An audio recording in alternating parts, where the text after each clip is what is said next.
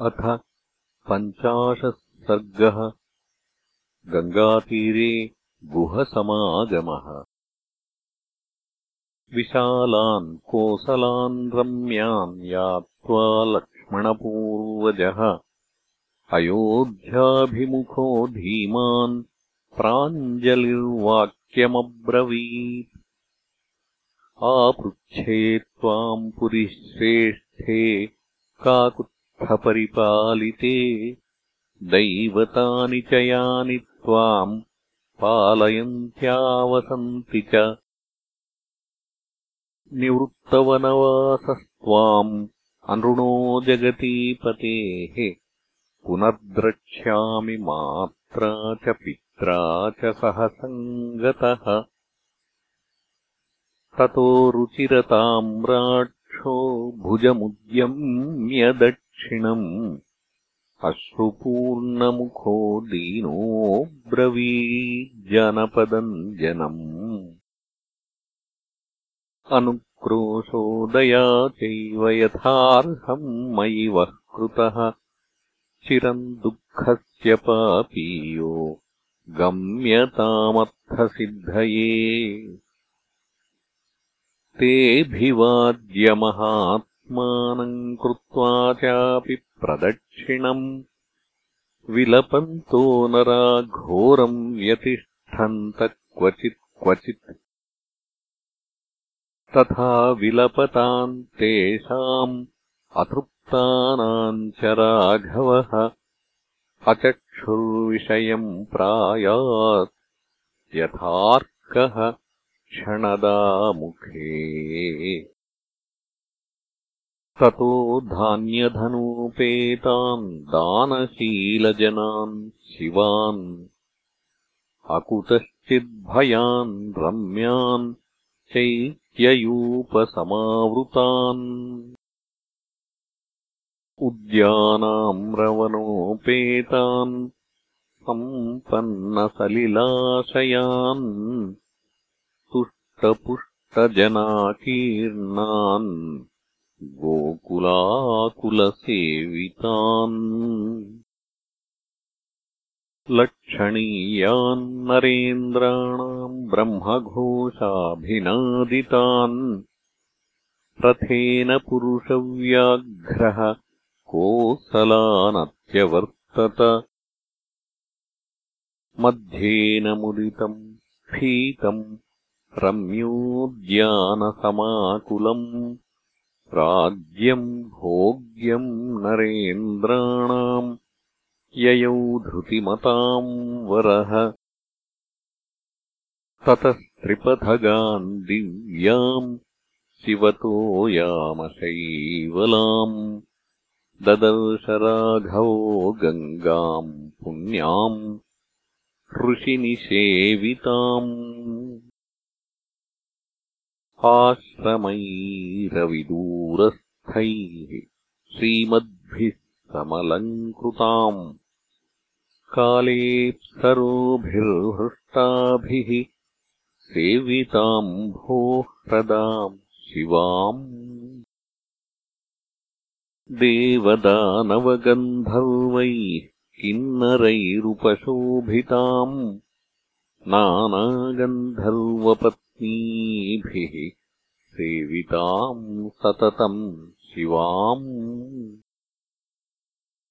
देवाक्रीडशताकीर्णाम् देवोद्यानशतायुताम् देवार्थमाकाशगमाम् विख्याताम् देवपद्मिनीम्।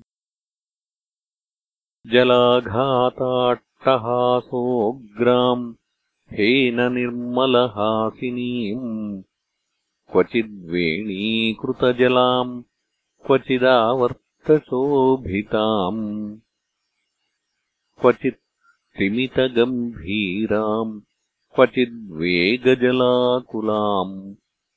क्वचित् गम्भीरनिर्घोषाम् क्वचिद्भैरवनिःस्वनाम्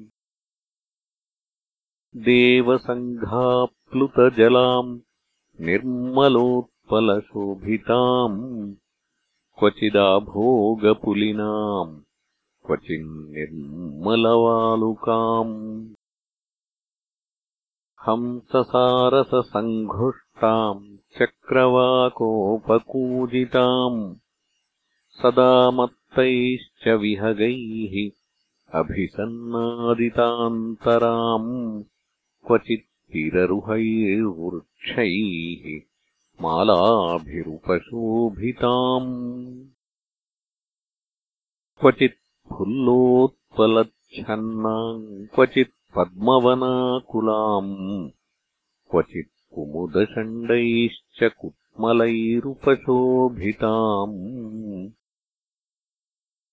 नानापुष्परजोध्वस्ताम् समदामिव च क्वचित् व्यपेतमलसङ्घाताम् मणिनिर्मलदर्शनाम् दिशागजैर्वनगजैः मत्तैश्च वरवारणैः देवोपवाह्यैश्च मुहुः सन्नादितवनान्तराम् प्रमदामिव यत्नेन भूषिताम् भूषणोत्तमैः फलैः पुष्पैः किसलयैः वृताङ्गुल्मैः द्विजैस्तथा शिंशुमारैश्च नक्रैश्च भुजङ्गैश्च निषेविताम् विष्णुपादच्युताम् दिव्याम् अपापाम् पापनाशिनीम् ताम् शङ्करजटाजूटात् भ्रष्टाम् सागरतेजसा। समुद्रमहिषीम् गङ्गाम् सारसक्रौञ्चनादिताम् आससादमहाबाहुः शृङ्गिबेरपुरम् प्रति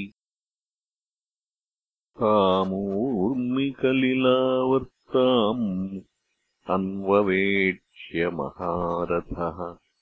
सुमन्त्रमब्रवीत् सूतम्। इहैवाद्यवसामहे। अविदूरादयन्नद्या बहुपुष्पप्रवाळवान्। सुमहानिङ्गुदीवृक्षो वसामोऽत्रैव सारथे द्रक्ष्यामः सरिताम् श्रेष्ठाम् सम्मान्यसलिलाम् शिवाम् देवदानवगन्धर्वमृगमानुषपक्षिणाम्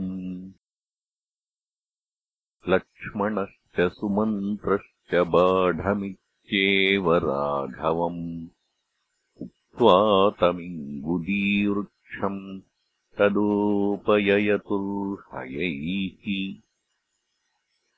रामोऽभियायतन् रम्यम् वृक्षम् इक्ष्वाकुनन्दनः रथादवतरत् तस्मात् सभार्यः सह लक्ष्मणः।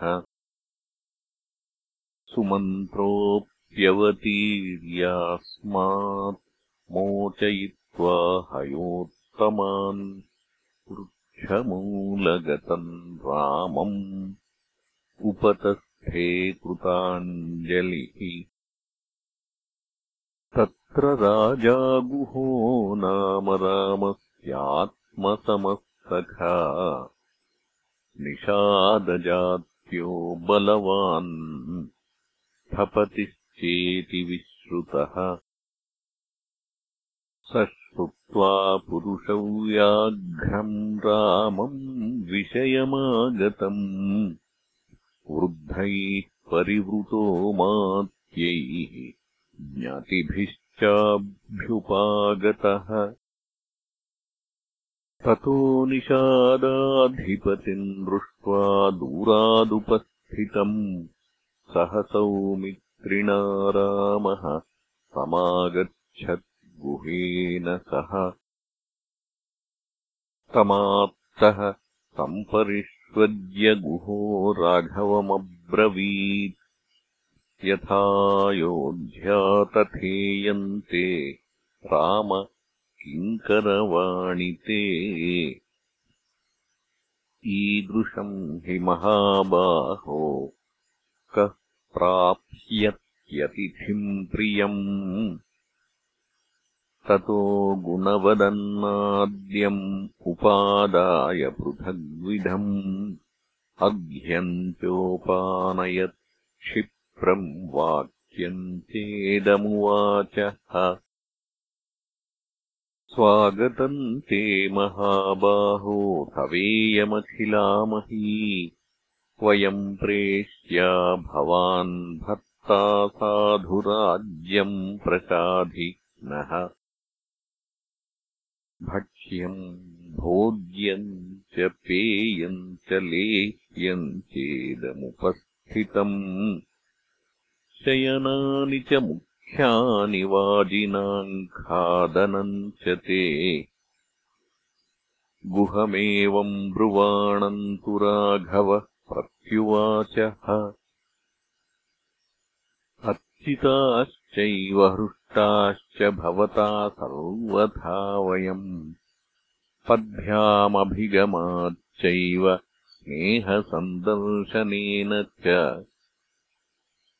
भुजाभ्याम् साधुपीनाभ्याम् पीडयन् वाक्यमब्रवीत्। दिष्ट्या त्वाङ्गुह पश्यामि ह्यरोगम् सह बान्धवैः अपि ते कुशलम् राष्ट्रे मित्रेषु च धनेषु च।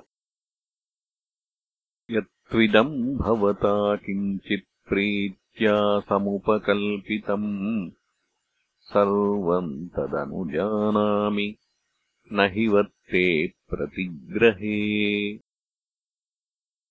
कुशचीराजिनधरम् फलमूलाशिनम् च माम् विद्धि प्रणिहितम् धर्मे तापसम् वनगोचरम्। अश्वानाम् खादनेनाहम् अर्थी नान्येन केनचित् एतावतात्र भवता भविष्यामि सुपूजितः। एते हि दयिता राज्ञः पितुर्दशरथस्य मे एतैः सुविहितैरश्वैः भविष्याम्यहमर्चितः। अश्वानाम् प्रतिपानम् च खादनम् चैव सोऽन्वशात्। गुहस्तत्रैव पुरुषाम् त्वरितम् दीयतामिति। ततः क्षीरोत्तरासङ्गः सन्ध्यामन्वास्य पश्चिमाम् जलमेवाददे भोज्यम् लक्ष्मणेनाहृतम् स्वयम् तस्य भूमौ शयानस्य पादौ प्रक्षाल्य लक्ष्मणः सभार्यस्य ततोऽभ्येत्य तस्थौ वृक्षमुपाश्रितः गुहोऽपि सहसूतेन सौमित्रिमनुभाषयन्। अन्वजाग्रत्ततो रामम् अप्रमत्तो धनुर्धरः। तथा शयानस्य ततोऽत्यधीमतो यशस्विनो दाशरथेर्महात्मनः। अदृष्टदुःखस्य सुखोचितस्य सा तदा व्यतीयाय चिरेण शर्वरी इत्यार्षे श्रीमद् रामायणे वाल्मीकीये आदिकाव्ये अयोध्याकाण्डे पञ्चाशः सर्गः